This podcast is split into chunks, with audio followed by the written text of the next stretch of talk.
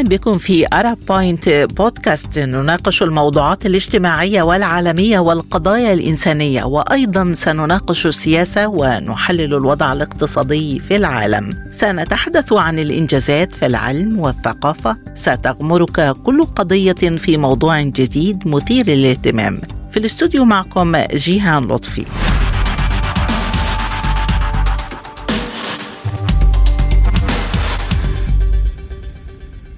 في حلقة اليوم نناقش من يقوم على حماية الثروات الطبيعية في مناطق النزاعات. تحت شعار نفط لبنان للبنان نفذت حملة أهلية لحماية الثروة الوطنية في لبنان مسيرة بحرية وبرية الأحد بمشاركة عشرات القوارب من مختلف المناطق اللبنانية وذلك للمطالبة بحق الشعب اللبناني بالحصول على كافة حقوقه البحرية دون مساومة أو تنازل. ويقول منظمو المسيرة إن لهم حقوق في البر أيضا حيث لا تزال إسرائيل تحتل أكثر من 13 نقطة في الجنوب.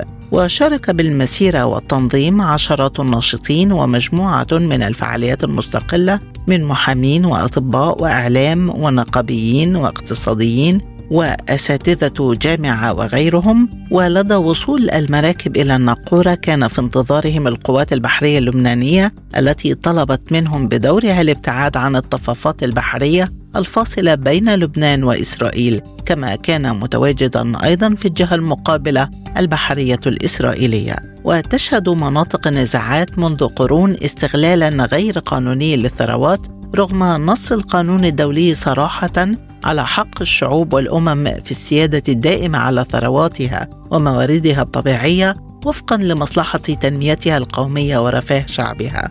اذا من يقوم على حماية الثروات الطبيعية في مناطق الصراعات؟ وما موقف القانون الدولي من النزاع على الثروات الطبيعية؟ كيف يتم حساب التعويضات؟ وهل يسهم الوسطاء الدوليون في حل هذا النوع من النزاعات؟ لماذا لا تساوي الجيوش بين الاستيلاء على الثروات والاستيلاء على الأراضي في مهام الحماية العسكرية؟ حول هذه المحاور وغيرها تدور نقاشاتنا اليوم في Arab بوينت بودكاست البداية من بيروت ومنها ينضم إلينا خبير الشؤون الجيوسياسية والاقتصادية الدكتور بيير عزار. مرحبا بك معنا دكتور بيير ضيفا عزيزا. وبداية من يقوم على حماية الثروات الطبيعية في مناطق النزاعات؟ وهل هذه المهمة منوطة بالنشطاء؟ تحياتنا لحضرتك ولكل المستمعين. طبعا لا لا يمكن للنشطاء أن يقوموا بعملية معقدة جدا مثل حماية الثروات الطبيعية كما يحصل اليوم في لبنان خاصة في لبنان نتيجة هذه الجولة البحرية للمراكب البحرية باتجاه الحدود اللبنانية الإسرائيلية المتنازع عليها. ولكن مما لا شك فيه هم هم يسعون إلى خلق نوع من لوبي ضغط ولو بشكل هيك شكلي. إعلامي صحفي ربما يؤثر على مركز القرار في الواقع اللبناني تحديدا إذا قصدنا الواقع اللبناني لأنه إعلاميتنا هنالك إشكالية كبيرة بأن الدولة اللبنانية تركز في عملية المفاوضات مع المبعوث الأمريكي الإسرائيلي وهو إسرائيلي من جنسية هوكستين أتكلم عن أموس هوكستين هو في نهاية الأمر الدولة اللبنانية بشخص فخامة الرئيس ورئيس مجلس النواب ورئيس مجلس الوزراء يركزون على خط 23 وهذا أمر يزعج كثيرا من الواقع اللبناني لأنه حتى حقل كان هنالك جزء معين بحقل كان هو يمتد ما بين خط 23 وال 29 قيادة الجيش تقول بأن خط لبنان هو ال 29 يعني رأس آه، صخرة النقورة. وبالتالي العملية شديدة التعقيد وبالتالي تندرج سياق هذه الجولة الشعبية الصحفية وغير الصحفية باتجاه الحدود اللبنانية. للتذكير بأن هنالك خط 29 ولو انه لبنان قد يطالب بال 29 ولكن هذا أمر لم يثبت اليوم حتى داخل أروقة الأمم المتحدة. بالحديث عن المبعوث الدولي كيف تقيم مهام الوسطاء الدوليون وهل يسهم الوسطاء في حل هذه الأزمات من هذا النوع؟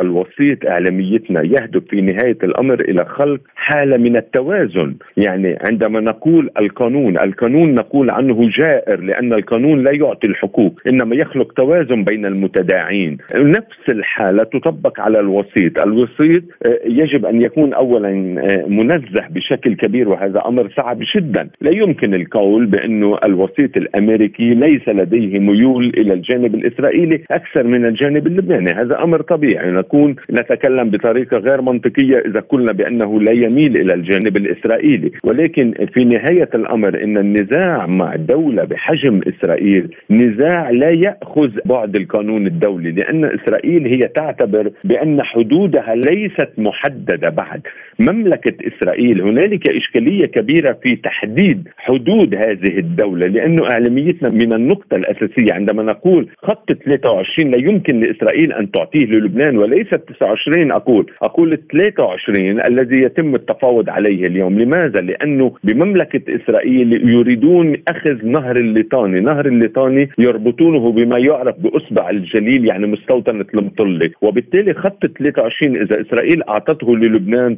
تفقد القدرة على إعادة وضع ايديولوجيا لأخذ وإقتطاع نهر الليطاني لأن دائما الحروب الإسرائيلية على لبنان كانت تتجه باتجاه نهر الليطاني وهذا لبنان يرفضه. ثانيا إسرائيل تريد أن تبدل ما يعرف باتفاقية نيوكومب بولي. هذين الشخصين هم في الجانب البريطاني الفرنسي في القرن الماضي عندما كان هنالك فلسطين لم يكن هنالك دولة إسرائيل. أقصد في العام 1923 وضعت فرنسا وبريطانيا الحدود بين لبنان وفلسطين. إسرائيل اليوم تريد تبديل كليا لهذه المعاهدة ولا تعترف بها. تريد التبديل وتتحول الحدود من جبل جبل الشيخ الذي يعرف في التوراة جبل حرمون باتجاه نبع الوزاني وبالتالي هنالك تبدل كثير. المفاوضات مع الجانب الإسرائيلي شديدة التعقيد. لا يمكن لإسرائيل حتى أن تعطينا كان حقل. كان أصلا من يدري بأن كان يوجد فيه في الأعماق.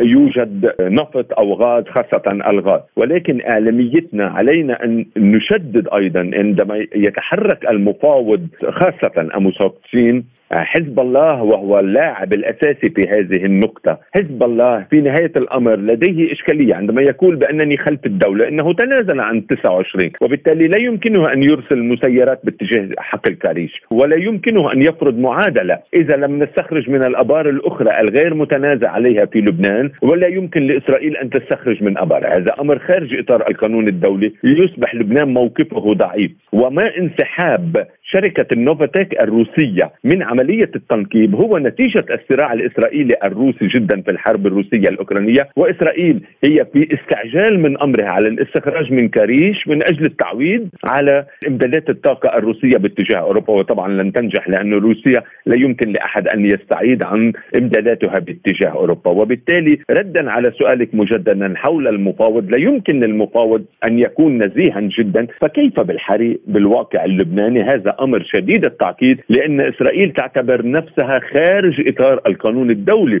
لأنهم يعتبرون أنفسهم شعب الله المختار. هذه هي العقيدة أننا اتكلم بشكل دقيق. عندما تقولين شعب الله المختار هم فوق القانون الدولي ولا يعترفون بالقانون الدولي ولو إنه إسرائيل هي ممثلة ضمن الأمم المتحدة. وهذا أمر معقد جدا وعلينا أن نأخذه في عين الاعتبار عندما نتفاوض مع الجانب الإسرائيلي. تحدثت حضرتك عن المياه وعن منطق القوة في مهام الحماية العسكرية برأيك لماذا لا تساوي الجيوش بين الاستيلاء على الثروات والاستيلاء على الأراضي؟ وهذا واضح في مسائل نهب النفط وإقامة السدود لا تشن الجيوش حروبا من أجل هذه الأمور.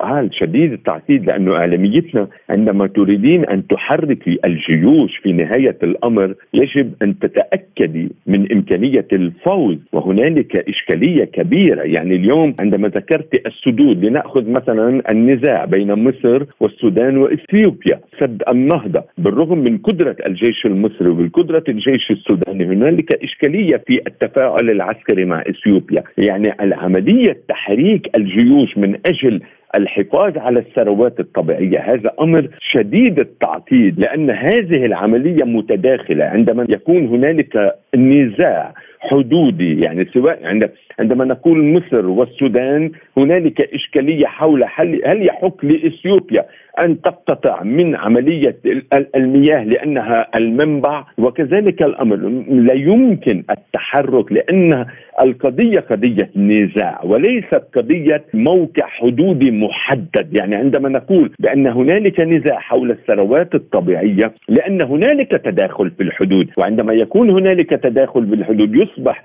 التحرك العسكري له عواقب وخيمة إذا لم يحسم النتائج، يعني إذا الدولة لا تستطيع في ضربة عسكرية أولى أن تقضي على الخصم من أجل تحقيق مكاسبها ضمن الثروات المعدنية يرتد هذا الأمر سلبا عليها وتنهار منظومتها العسكرية، من هنا الدول تكون حذرة جدا عندما تريد أن تتدخل عسكريا في واقع هو في حد ذاته موضع نزاع أقصد الثروات الطبيعية، أي دولة تستطيع أن تحسم المعركة تتحرك وهذا أمر صعب جدا لأن الدول في نهاية الأمر الميدان يتعقد لأنه أهمية استراتيجية إعلاميتنا هو أن تتحركي في عالم من اللا اليقين وتستطيعين أن تتوقعي بالحد الأدنى لجم مخاطر اللا يقين وتصبحين كأنك تسبحين في عالم من اللا يقين والاستراتيجيا هي عليها أن تفهم هذا المفهوم اللا يقين الذي يمكن أن يفاجئ الحركية العسكرية لأي من جيوش الدول التي لديها نزاعات حول الثروات المعدنية والباطنية وهذه كل الدول لديها هذه الإشكالية. طيب دكتور هناك علاقة وثيقة بين ظهور النزاعات والموارد الطبيعية، برأيك هل تتسبب الصراعات الكثيرة كما تفضلت في إعادة ترتيب شكل العالم كما نعرفه اليوم؟ نقطة أساسية وحساسة بأن الثروات الطبيعية والمعدنية هي لاعب أساسي من أجل رسم ملامح النفوذ ولكن اليوم إعلاميتنا من أصعب ما يعيشه هذا الكوكب بانه الواقع الدولي لا يوجد فيه أقطاب، يعني أنا أرفض كلمة الاحاديه القطبية الأمريكية، الولايات المتحدة إعلاميتنا ولا بلحظة كانت احاديه قطبية، هي في لحظة أولى بعيد نهاية الحرب العالمية الثانية. وقبل أربع سنوات من امتلاك الاتحاد السوفيتي السابق للقنبلة الذرية في العام 1949 كان يمكن القول بأن هنالك أحادية قطبية، أما منذ هذا التاريخ حتى اللحظات وحتى بعد نهاية الثنائية القطبية، أنا أرفض بشكل مطلق بأنه يوجد أحادية قطبية أمريكية ابدا، إنما كان هنالك نوع من الاستسلام من القوى ضمن الواقع الدولي لقوة الولايات المتحدة. أما اليوم ما نعيشه أكثر تعقيدا بأن هنالك هرمية في إدارة هذا الكوكب. وبالتالي الإشكالية الكبرى أن هنالك تنافس شديد بين الدول وبين المنظمات الدولية وبين الأشخاص العبرة الوطنية سواء الشركات سواء الأفراد. وهنالك من أمور كثيرة تنافس الدول. ولكن دائما أهميتنا كنت أقول على منبري أنه الدولة تبقى الشخص الممتاز على مسرح مصلح العلاقات الدولية لأنها أكبر سوق استهلاكي لهذه القوى العبره الوطنية التي هي تؤجج الحروب وتجر الدولة وتدفع الدولة عبر جيوشها من أجل خدمتها لأن في الحرب تستطيع أن تصرف كل منتجاتها العسكرية والغير العسكرية. وما كلمة المساعدات الإنسانية هي من أجل تحريك مصانع تصدر وتورد كل المنتجات التي تفيد الإنسانية سواء من أمور تتعلق بالمساعدات الإنسانية ولكن هي في نهاية الأمر تخدم هذه المصانع التي تحرك ألاف وألاف الوظائف وتؤدي إلى تحكم كبير لهذه القوى العبرة الوطنية التي يديرها منتدى دافوس والتي خلف منتدى دافوس تديرها الرأسمالية الكبرى وبعدها منظمات حساسة جدا لا يمكن يمكن التداول بأسمائها على الإعلام. من لبنان الدكتور بيير عزار خبير الشؤون الجيوسياسية والاقتصادية كنت معنا من بيروت شكرا جزيلا لك. وحول الجانب القانوني المتعلق بحماية الثروات ينضم إلينا من دمشق خبير القانون الدولي الأستاذ نعيم أقبيق. مرحبا بك معنا سيد نعيم. وبداية سؤالنا من المنوط بحماية الثروات في مناطق النزاعات؟ أكيد الثروات ما بحق لها قوة الاحتلال أو المناطق النزاعات المسلحة أن يستولي عليها أحد الأطراف المتنازعين سوى دولة صاحبة السيادة. هذا موجود باتفاقية لاهاي لعام 1907 وموجود باتفاقية جنيف الرابعة. يلي تعنى بالأراضي المحتلة يعني لعام 1949 بالتالي هذا موضوع موضوع يعني قانوني بحت. تعتبر سلب حتى هذه الأشياء وهون جريمة حرب. إلى جانب إنه إذا كان من المواد التي لا غنى عنها لبقاء السكان على قيد الحياة تعتبر أيضا جريمة ضد الإنسانية. اذا هل القوانين الدولية المتعلقة باستغلال الموارد الطبيعية تتضمن عقوبات خاصة بمناطق النزاعات واستغلال الثروات فيها على غير القانون؟ جرائم الحرب بشكل عام آه، كل محكمة تشكل من أجل جرائم الحرب مثل محكمة آه، رواندا مثل محكمة يوغوسلافيا مثل نورنبورغ بعد الحرب العالمية الثانية محكمة طوكيو بعد الحرب العالمية الثانية بموجب اتفاق لندن لعام 1945 اللي باشرت عملها محكمة نورنبورغ بال 46 كذلك محكمة طوكيو هي اللي حطت العقوبات على جرائم الحرب. هون نحن سرقة الثروات بمناطق النزاع المسلح من قبل أي يعني غير الدولة صاحبة السيادة هي جريمة حرب لأنه لا يجوز أن تستولي قوة الاحتلال على على الثروات. فبالتالي هذا الاختصاص للمحاكم الجنائية الدولية يعني للقانون الدولي الجنائي وليس الجنائي الدولي. في فرق بيناتهم يعني وتقول الدولي الجنائي يعني جريمة حرب جريمة ضد الإنسانية جريمة الإبادة. وتقول جنائي دولي معناتها هذا قانون بين دولتين أو ثلاثة. المهم هذا تخضع للقانون الدولي الجنائي.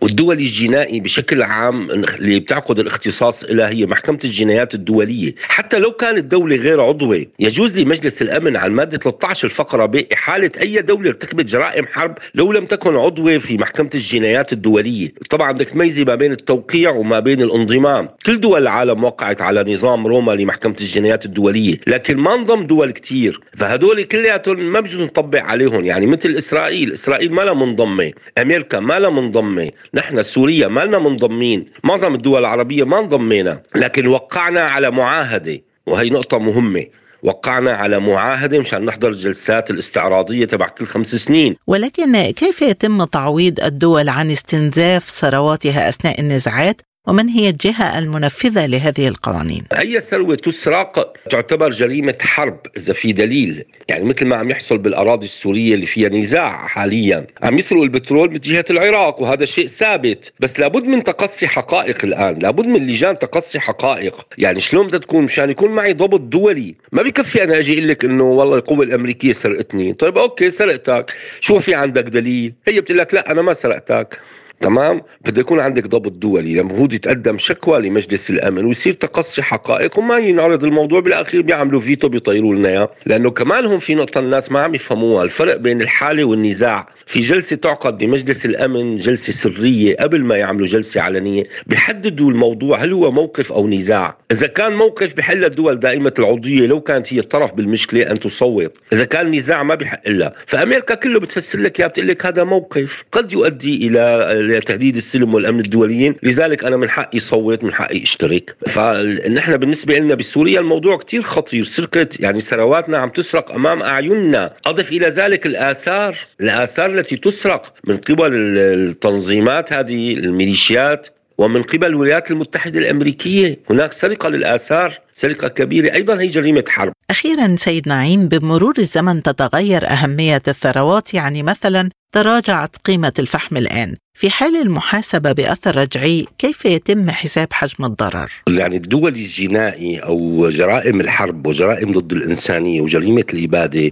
لا تتقادم. يعني ما بنقول طبقنا القانون بأثر رجعي ليس هناك رجعية للقانون لأن هذه الجرائم لا تتقادم. يوغوسلافيا بال 92 ارتكبوا جرائم هلأ عم يحاكموهم بال 2021 بلشوا بمحاكمتهم أو بال 20 لأنها لا تتقادم. لكن أنا بدي قدر قيمة المواد بقدر قيمتها بتاريخ صدور الحكم. وليس بتاريخ الواقعة بجوز بالواقعة كان ما بيكلف الطن دولار لكن اليوم أنا إذا بدي اشتري بداله بدي أحط 100 دولار فلا بيتقدر ب يعني تقدير دائما التعويض. التعويض هو لجبر الضرر لإعادة الحال إلى ما كانت عليه. كيف ستعود الحال إلى ما كانت عليه؟ إذا كنت بايعه بدولار أنا من زمان بس بالشغل التجاري بالحركة بالدورة الاقتصادية اليوم حيصير ألف فأنا باخذ منهم هيك. لازم تعاد الحال إلى ما كانت عليه مع التعويض عن الأضرار التي أصابت الدولة من جراء سرق ثرواتها. هذا التعويض لازم يكون في جبر كامل ومعادلة للربح الذي فات على الدولة. فما بنقول أثر رجعي هون ليس أثر رجعي لأنه هذه الجرائم تحاسب إلى الآن. لو مضى عليها السنوات لا تخضع للتقادم. جرائم الحرب جرائم ضد الإنسانية جرائم الإبادة الجماعية لا تتقادم.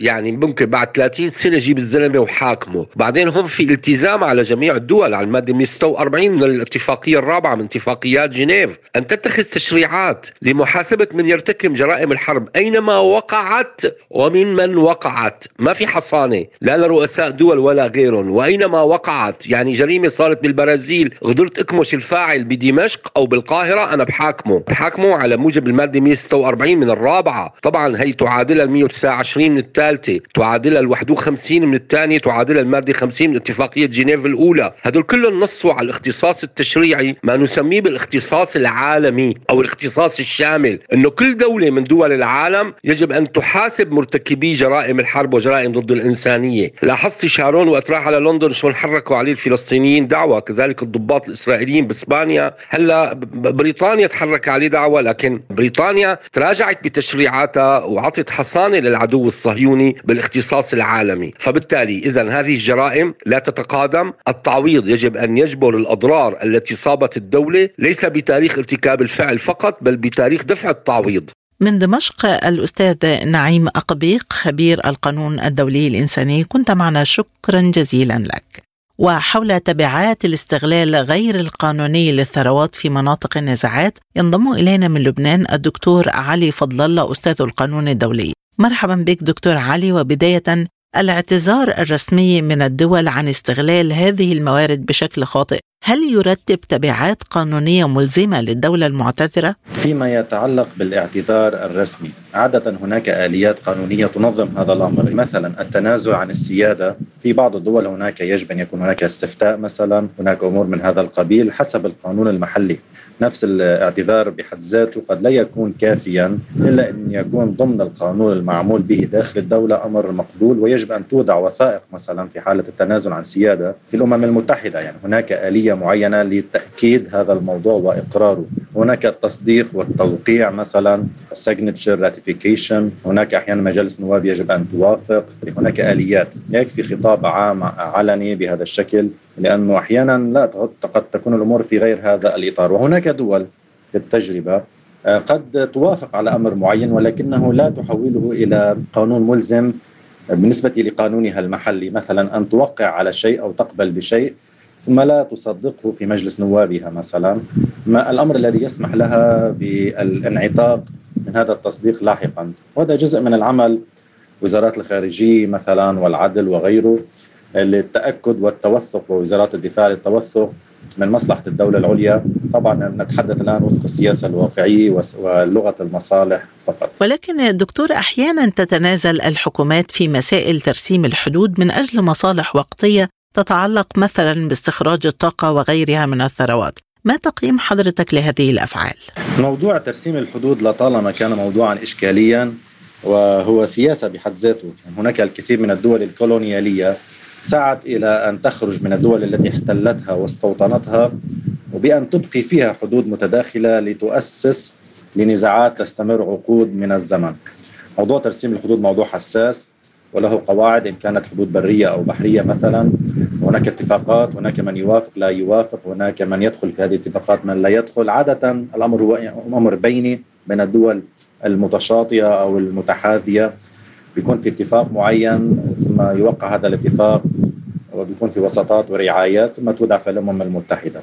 أما أن تتنازل عادة التنازل بيكون لأسباب عدة أحيانا بسبب قوة قاهرة أحيانا بسبب آه، مصالح وقتية ولكن حتى في هذه الحالة آه، يجب أن يتم الالتفات إنه أي تنازل مؤقت أو لا ير لا يراعي القوانين المعمول فيها لا يؤخذ بعين الاعتبار ويمكن التملص منه لاحقا يحتاج الأمر دائما إلى مستشارين قانونيين موجودين لدى الدولة المعنية لكي يرشدوها وينبهوها من أي إخلال في هذا الجانب. أخيرا دكتور علي سؤال حلقة اليوم من يقوم على حماية الثروات الطبيعية في مناطق النزاعات؟ من يقوم على حماية الثروات الطبيعية في مناطق النزاعات؟ اولا مطلوب الدولة نفسها، الدول نفسها معنيه بحماية ثرواتها، هذه هي المهمة الأساسية لجيوشها أو لحرسها الوطني أو لمختلف تشكيلاتها المسلحة أن تحمي بالمعنى العسكري للكلمه حدودها وهذا الدور الأساسي.